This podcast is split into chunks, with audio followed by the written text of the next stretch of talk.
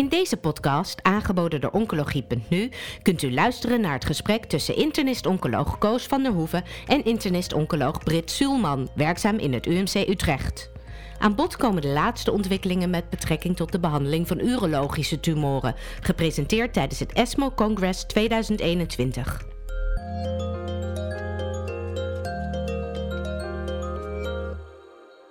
ESMO 2021 Parijs, prostaat- en blaaskanker. Daarover ga ik praten met dokter Brit Solman. Zij is internist-oncoloog in het UMCU en is daar met name uh, betrokken bij de behandeling van tumoren van het urogenitale gebied. Brit, welkom. Um, ik wil beginnen met een, uh, een studie, de Vesper-studie, en dat gaat over een heel oud schema, het MVAC-schema. En dat is zo oud dat sommige mensen het misschien niet meer kennen. Er zitten veel medicijnen in, wordt niet meer zo vaak gebruikt, maar er is hernieuwde belangstelling voor, omdat het schema iets aangepast is en misschien ook wel erg werkzaam is. Die Vesper-studie gaat het erover. Wat kan je daarover vertellen? Uh, inderdaad, in de VESPE-studie uh, wordt het uh, oude MVAC-schema gebruikt, wat we eigenlijk al een beetje in de kast hebben gelegd vanwege de toxiciteit, met name van het beenmerg. En omdat we een goed alternatief hebben met gemstabine cisplatin, hebben we eigenlijk binnen de urogenitale oncologie dit schema maar heel beperkt ingezet de afgelopen jaren. leuk dat de VESPER-studie weer met eigenlijk nieuwe of oude medicatie komt in een nieuw jasje. Um, en die VESPER-studie laat inderdaad um, een uh, inclusie zien van de hoogrisico spierinvasieve uh, blaaskankerpatiënten. Um, en het is met name voortgekomen uit het feit dat er uh, eerder al met name overlevingsvoordeel werd gezien binnen de neoadjuvante groep van patiënten in de toepassing van cisplatin-combinaties. waarbij carboplatin, zoals men weet, duidelijk inferieur is in neoadjuvante setting. En binnen deze VESPER-studie is er uh, gerandomiseerd tussen een groep van uh, patiënten met een hoog risico spierinvasief uh, urotheelzakcarcinoom, met dus tenminste een T2-tumor. Um, in adjuvante setting werden ook de N-plus-patiënten geïncludeerd, waarbij er werd gerandomiseerd tussen gemcitabine cisplatin vier kuren en zes kuren doosdens MVAC. Um, belangrijk om te weten is dat er dus zowel neoadjuvante uh, behandeling plaatsvond als adjuvante behandeling, waarbij het grootste deel van de patiënten uh, neoadjuvant behandeld uh, werden, ongeveer, of bijna 90% was dat. Nog even over de dose-dens. Dat is een tweewekelijk schema ondersteund met GCSF. Inderdaad, ja. ja. En dat wijkt eigenlijk een beetje af van de eerdere studies die we hebben gezien, waarbij vaak drie tot vier kuren dose-dens en vak werden gebruikt. Maar in deze studie is dat zes. Ja, oké. Nou, nieuwsgierig naar de resultaten. Ja, grote studie, bijna 500 patiënten. Uh, primair eindpunt was uh, PFS na drie jaar. En is een mediane follow-up van 40 uh, maanden bereikt. En de volledige analyse vindt over vijf jaar, of na vijf jaar totaal plaats. Ja. Als we dan kijken naar de groep van uh, neoadjuvante patiënten, dan zien we een PFS uh, na 36 maanden die duidelijk verschilt tussen de MVAC-groep en de GEMCIS-groep. Waarbij er een verschil is van 66% ten voordele van de MVAC-groep ten opzichte van 56% in de GEMCIS-groep. Met een uh, hazard ratio van 0,70. Ja, 10% verschil. 10% verschil belangrijk punt denk ik wel om te vermelden, ook in het oog van straks aankomende studies met eventueel immuuntherapiecombinaties, is dat de pathologische respons die bereikt werd binnen de doosdens MVAC 63% was uh, uh, ten opzichte van uh, de GEMSIS-groep, waarbij 50% goede respons werden bereikt. Ja, nou, pathologisch complete remissie is vaak een, een, een heel goed surrogaat eindpunt voor uiteindelijk misschien wel overleving. Um, nog even terug naar de schema's. Qua bijwerkingen, was dat vergelijkbaar of was de een beter dan de ander? Min of meer. Um, wat we van MVAC weten is dat het over het algemeen meer beenmergsuppressie oplevert. En dat zag je ook in deze studie terug, dat er een groter aandeel eh, binnen de MVAC-groep was eh, met fibrille neutropenie. Uh, maar er werd ook meer misselijkheid, braken en astenie gerapporteerd. Ja, ja. Um, uh, cijfers over de pathologisch complete respons. Overall survival data, die hebben we nog niet. En dat, dat zal nog een tijdje duren. Het zijn allebei schema's die beschikbaar zijn. Het gaat niet om nieuwe geneesmiddelen. De auteurs die hadden het erover dat dit uh, practice changing was. Hoe sta jij daarin? Ik vind het niet geheel practice changing. Ik denk dat, dat we uh, goed moeten kijken naar de groep uh, die behandeld is in deze studie. En als je daarnaar kijkt, dan zie je dat in de neoadjuvante groep een heel groot aandeel is van patiënten met een T2N0 tumor. Ja. En binnen de Nederlandse praktijk zien we toch vaak dat de patiënten zonder N-plus ziekte en met de kleinere, relatief kleinere tumoren, dus niet de T3, T4's, dat die niet altijd neoadjuvant worden behandeld. Ja. Dus een patiënt met een T2 N0M0, die hoeft niet per se neoadjuvant behandeld te worden en kan bijvoorbeeld ook nog met chemoradiatie of een directe cystectomie behandeld worden. Binnen deze studie waren dat ruim 90% van de patiënten. Dus ik denk dat wel dat we ons moeten beseffen dat dit echt wel een goede groep van patiënten is. Ehm, en dat zag je ook binnen de GEMSIS-groep uh, duidelijk naar voren komen, dat die groep eigenlijk beter is dan wat we historisch kennen. Uh, dus ik zou wel voorzichtig zijn met het uh, extrapoleren van deze gegevens. Ehm, en daarnaast is dan ook de vraag, als we het gaan doen bij bijvoorbeeld eh, de fitte en jonge patiënt die de tox aan kan en zes kuren en vak kan krijgen, uh, let dan ook op, is, zijn die zes kuren daadwerkelijk nodig? Um, want als we kijken naar binnen deze studiepopulatie, heeft maar 60% van de patiënten zes kuren gekregen. Ja. En dus bijna de helft niet, is niet aan die zes kuren toegekomen. Dus de terughoudendheid die wordt met name ingegeven door het feit dat de patiënten behandeld zijn met chemotherapie, die we in Nederland op dit moment nog niet met chemotherapie zouden behandelen. Ja, inderdaad. Oké. Nou, wachten we het even verder af, maar het was wel een uh, interessant verschil. En toch interessant om te zien dat er door aanpassing van een oud schema, dat oude schema ineens toch heel erg effectief kan zijn.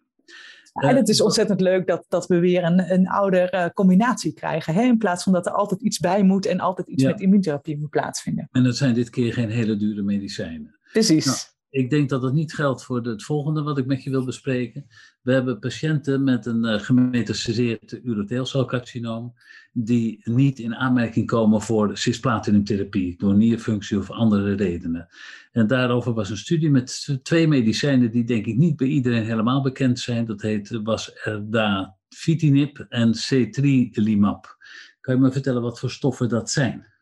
Ja, uh, nou, erdafitinib, dat kennen we misschien nog wel uh, vanuit de tweede en derde lijn gemetastaseerd. Uh, dat is een uh, pan-FGFR-remmer. En het idee is dat, dat het een release geeft van neo-antigenen, waardoor eigenlijk het microenvironment van de tumor wordt getarget. En daardoor eigenlijk een synergistisch effect ontstaat met checkpoint-remmers. Ja. En cetrelimab is een checkpoint-remmer wat met name het PD1 blokkeert. Oké, duidelijk. Deze, deze studie is dus gedaan bij mensen die niet voor platinum in aanmerking kwamen. Werd het alleen gedaan bij patiënten die een FGFR uh, veranderde tumor hadden of mochten alle patiënten meedoen? Nee, dit is echt een, een, een biomarker gestuurde studie waarbij echt alleen de patiënten met een FGFR-verandering, dus een fusie of een mutatie, geïncludeerd konden worden. Hoeveel van de patiënten met een urotheelcelcarcinoom heeft een FGFR-verandering? Nou, als we naar de hele populatie kijken, dan is dat ongeveer 15 tot 20 procent van de patiënten met een urotheelcelcarcinoom.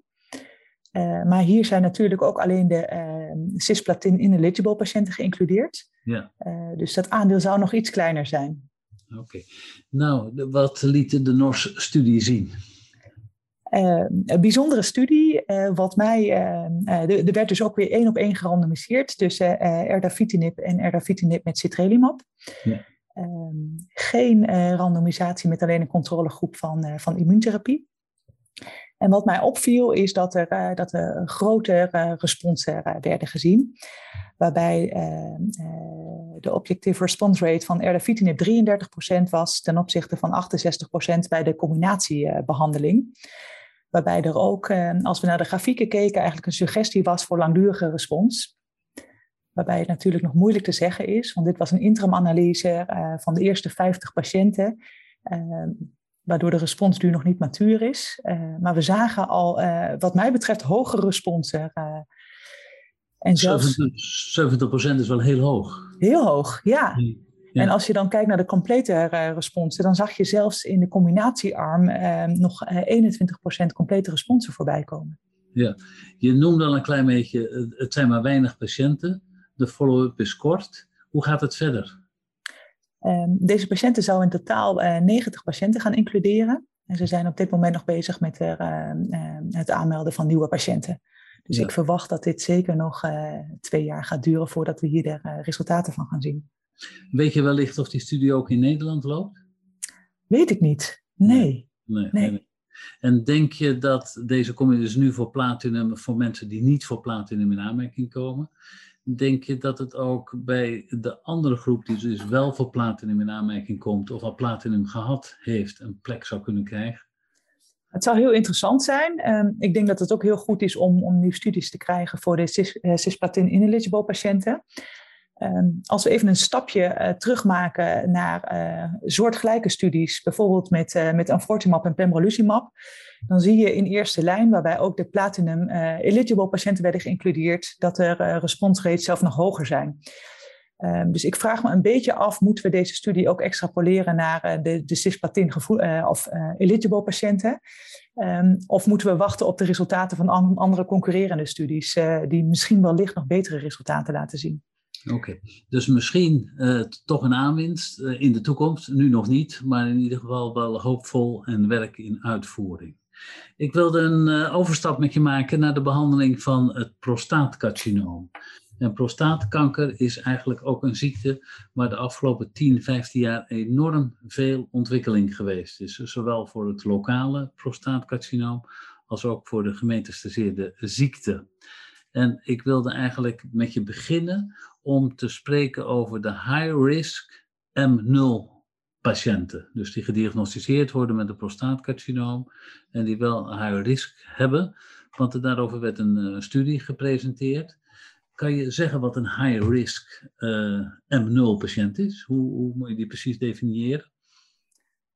Um, in, in deze um, groep, die uh, eigenlijk een subgroepanalyse van de Stampede, um, werd, werd de groep uh, van, van de high-risk M0-patiënten uh, opgesplitst in de nieuw gediagnosticeerde prostaatcarcinoompatiënten. Dus dat zijn de, de N-plus-patiënten, de T3, T4, PSA boven de 40 en een, een Gleason-score van 8 of meer. Ja. Um, en de patiënten, om het maar heel ingewikkeld te maken, ook met een, uh, met een relapse na prostatectomie of radiotherapie. En een local relapse. Re local relapse, ja, helemaal eens. Ja. ja. Met een uh, M plus of een uh, PSA boven de, boven de 20. Nou, eigenlijk krijgen deze patiënten allemaal naast een lokale behandeling ook een systemische behandeling. Dus meestal androgeen deprivatie. Maar deze studie ging erover of daar abiraterone met prednison moest worden toegevoegd. En misschien ook wel enzalutamide. Wat kan je daarvan vertellen? Ja, ik, uh, we gaan het ons allemaal heel ingewikkeld maken, uh, wat mij betreft. Uh, ik zie soms door de boom het bos niet meer wanneer we abiraterone allemaal gaan inzetten.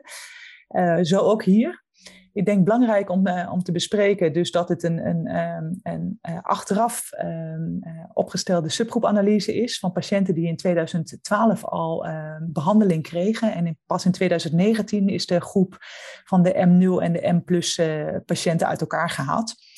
Grote groep, bijna 2000 patiënten, waarbij ze dus enerzijds behandeld werden met, met ADT versus ADT met abiraterone. En in, uh, volgens mij uit mijn hoofd 2014 uh, werden er ook patiënten behandeld met abiraterone en enzalutamide. Dus die groep is wat heterogeen, omdat er ook uh, combinatiebehandelingen hebben plaatsgevonden.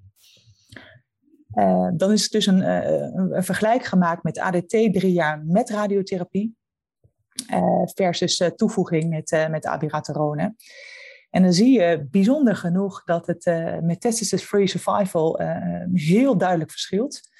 We zien een, eh, een zes jaar verbetering van 69% naar 82% met een hazard ratio van 0,53. Ja, dat is robuust. Hè? Dus 13% verschil op het krijgen van metastase na zes jaar. Uh, ja, hoe moeten we dat interpreteren? Wat moeten we daarmee? Ja, uh, prachtig wat mij betreft. En uh, ook binnen, uh, binnen de OS zien we, zien we zeer forse resultaten. Ehm, een overlevingsvoordeel van 77% richting 86%. Ehm, daarbij meegenomen dat dus zowel toevoeging van abiraterone als enzalutamide is meegenomen, niet in alle patiënten. dat maakt het wat mij betreft ook weer een beetje ingewikkeld, omdat het nogmaals de, de groep heterogeen is. Ehm, ja, ik vind, ik, vind het, ik vind het lastig om, om te zeggen van wat kunnen we met deze, of met deze resultaten. Uh, ik denk dat vroegtijdige intensivering van behandeling uh, duidelijk voordelen blijkt te hebben. Maar er zijn nog weinig gegevens over de, over de toxiciteit na twee jaar. Hoe lang gaan we dan door met behandelen? Wat doet de kwaliteit van leven? Vind ik een hele belangrijke als we nu al abiraterone en prednison gaan toevoegen in, in zo'n vroege setting. Wat is de impact van langdurig gebruik van prednison? Ehm, dus ik, ik denk zeker interessant uh, om te zien dat het ook binnen de uh, M0-patiënten uh, zijn werk gaat doen. de vraag is of we er al klaar voor zijn. Ja, je hebt een paar dingen genoemd. grote studie, soms een klein beetje ingewikkeld. In 2012 al begonnen. Tijdens de studie de spelregels nog een klein beetje aangepast. Wel met goede redenen, maar toch aangepast enzalutamide bovenop het geheel. Volgens mij was dat niet helemaal duidelijk of dat een plek had. Ik denk dat we het daar ook niet over hoeven te hebben. Maar als er zo lange tijd uh, abiraterone en prednison bij zoveel patiënten gegeven is, is er dan niet iets te vertellen over wat voor bijwerkingen dat geeft? Uh, nou, wat de studie rapporteert is dat, dat ze met name veel patiënten zien met uh, erectiele dysfunctie, ehm, hypertensie, sterk toegenomen vermoeidheid. Dan wordt er nog een beschrijving gegeven dat met name de, de transen, dus het ALAT-ALAT, uh, verhoogd is. Ja. Um, ja, allemaal wel bijwerkingen die verdraagbaar zijn. Maar ik denk dat we ons wel moeten realiseren dat dit langdurige behandeling betreft. In plaats van wat we kennen in de castatieresistente setting. Ja. Ja, nog even, uh, je hebt het al aangegeven, maar het waren patiënten die als lokale behandeling allemaal radiotherapie gehad hebben. Dus er staat er niet de radicale prostatectomie in, klopt dat? Nee, ja, dat klopt. Het zijn alleen de patiënten die lokaal radiotherapie hebben gehad. Dus eigenlijk zeg je robuuste aantallen, eigenlijk ook robuuste verschillen, maar we moeten er nog even helemaal precies induiken om te kijken wat de, de precieze consequenties voor de dagelijkse behandeling zijn. Is dat ja, correct? En vergeet de financiële toxiciteit ook niet, hè? wat dit oplevert als we zulke grote patiëntenaantallen met deze medicatie gaan behandelen. Ja, maar uh, zeg maar overall survival, als je na zes jaar ziet dat er een verschil is van 13 op de 100 mensen die uh, ziektevrij zijn, misschien wel overleven eh, hebben, dat is natuurlijk ook robuust. Eens, absoluut. Ja. Nou, dan gaan we naar nog een moeilijke studie. Want het lijkt er wel op alsof die studies met prostaatcarcinoom altijd een klein beetje ingewikkeld zijn. Dat wil zeggen, er zijn vaak heel veel armen. De studies zijn groot en uh, langdurige follow-up. We gaan het hebben over de PIS-1-studie. Dat gaat over de novo gemetastaseerde patiënten. Dus die bij diagnose al gemetastaseerd zijn. En die noemt men dan in principe hormoonsensitief, alhoewel het niet uitgeprobeerd is, maar ze hebben nog geen hormonale therapie gehad. Nou, in deze studiegroep, in deze patiëntenpopulatie, werd de vierarmige studie gedaan in de PIS-1-studie. Hoe zag dat er ongeveer uit? Um, ja, deze studie inderdaad ook weer uh, vrij ingewikkeld. Uh, op ESMO alleen een subgroepanalyse uh, besproken en niet de gehele studie. Want in de studie werd er één op één gerandomiseerd tussen standard of care en dan kon die standard of care kon ADT zijn, plus of min docetaxel. Dus zowel de hoogvolume als de laagvolume uh, patiënten werden hierin geïncludeerd. Een volgende uh, uh, tak was de standard of care met abiraterone. En de andere twee takken, de standard of care met radiotherapie en standard of care met abiraterone en radiotherapie, die worden wel meegenomen in de analyses, maar zijn hier nog niet gepresenteerd op ESMO. Dus het gaat met name om de uh, behandeling van, hoe ze het noemden, een doublet-therapie uh, versus een triplet-therapie, waarbij eventueel abiraterone is toegevoegd aan docetaxel met ADT. Ja, nou, vertel maar wat de uitslagen waren. Uh, nogmaals belangrijk dus om te weten dat het om een heterogene groep van patiënten gaat en zowel de hoog- als de laagvolume ziekte werden geïncludeerd. Dus het waren ook de patiënten met tenminste één botmetastase op CT of botscan. Uh, dus ook echt wel relatief beperkte ziekte kon worden geïncludeerd. Ja. Uh, waarbij docetaxel vaker werd toegepast binnen de hoogvolumeziektes. Ja. Um, als we keken naar de uh, OS-data, dan zag je een, uh, een verschil uh, in de groep ten voordele van de tripletgroep. Waarbij ehm, de OS ADT plus docetaxel vier jaar was ten opzichte van de ADT, docetaxel en abiraterone groep die nog niet, waarbij de OS nog niet bereikt was, met een hazard ratio van 0,57. Dus die, die, die, die vier jaarcijfers die zijn voor die, die triplet nog beter dan die vier jaar die je noemde. Ja, inderdaad. En er is dan gekeken naar uh, specifiek de hoogvolumeziekte. En dan zie je een heel duidelijk voordeel voorbij komen, waarbij binnen de high-risk patiënten de tripletbehandeling een OS ehm, ehm, gaf van uh, eh, 5,3 jaar ten opzichte van een doubletbehandeling met een OS van 3,5 jaar. Ja, want op dit moment is het zo dat bij gemetastaseerde ziekte, als je start met, uh, met anti-ADT, uh, anti, dan, um, dan kan je er chemotherapie bij geven, docetaxel. Je kan ook abiraterone geven, maar de combinatie, dat is eigenlijk het nieuwe eraan. Ja, dat is uh, zeker het nieuwe eraan. Um, wat mij dan nog wel opvalt, is dat, uh, dat een heel ruim aantal patiënten uh, pas abiraterone heeft gekregen vrij laat na het starten van de docetaxel. Dus dat is niet allemaal tegelijkertijd achter elkaar gegeven.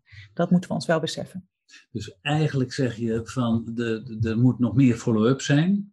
We moeten de gegevens nog een keer heel goed bestuderen. Maar er zijn wel hele sterke aanwijzingen dat ook als je chemotherapie geeft, dat de toevoeging van abiraterone eraan nog meer winst kan geven. Absoluut. Ja, en dat is eigenlijk de eerste resultaten die we zien dat een uh, tripletbehandeling nog meer winst geeft. En, uh, en die winsten zijn fors wat mij betreft. Oké, nou dat is toch eigenlijk goed nieuws voor patiënten met een gemetastaseerd prostaatcarcinoom, alhoewel de precieze duiding nog even op zich laat wachten.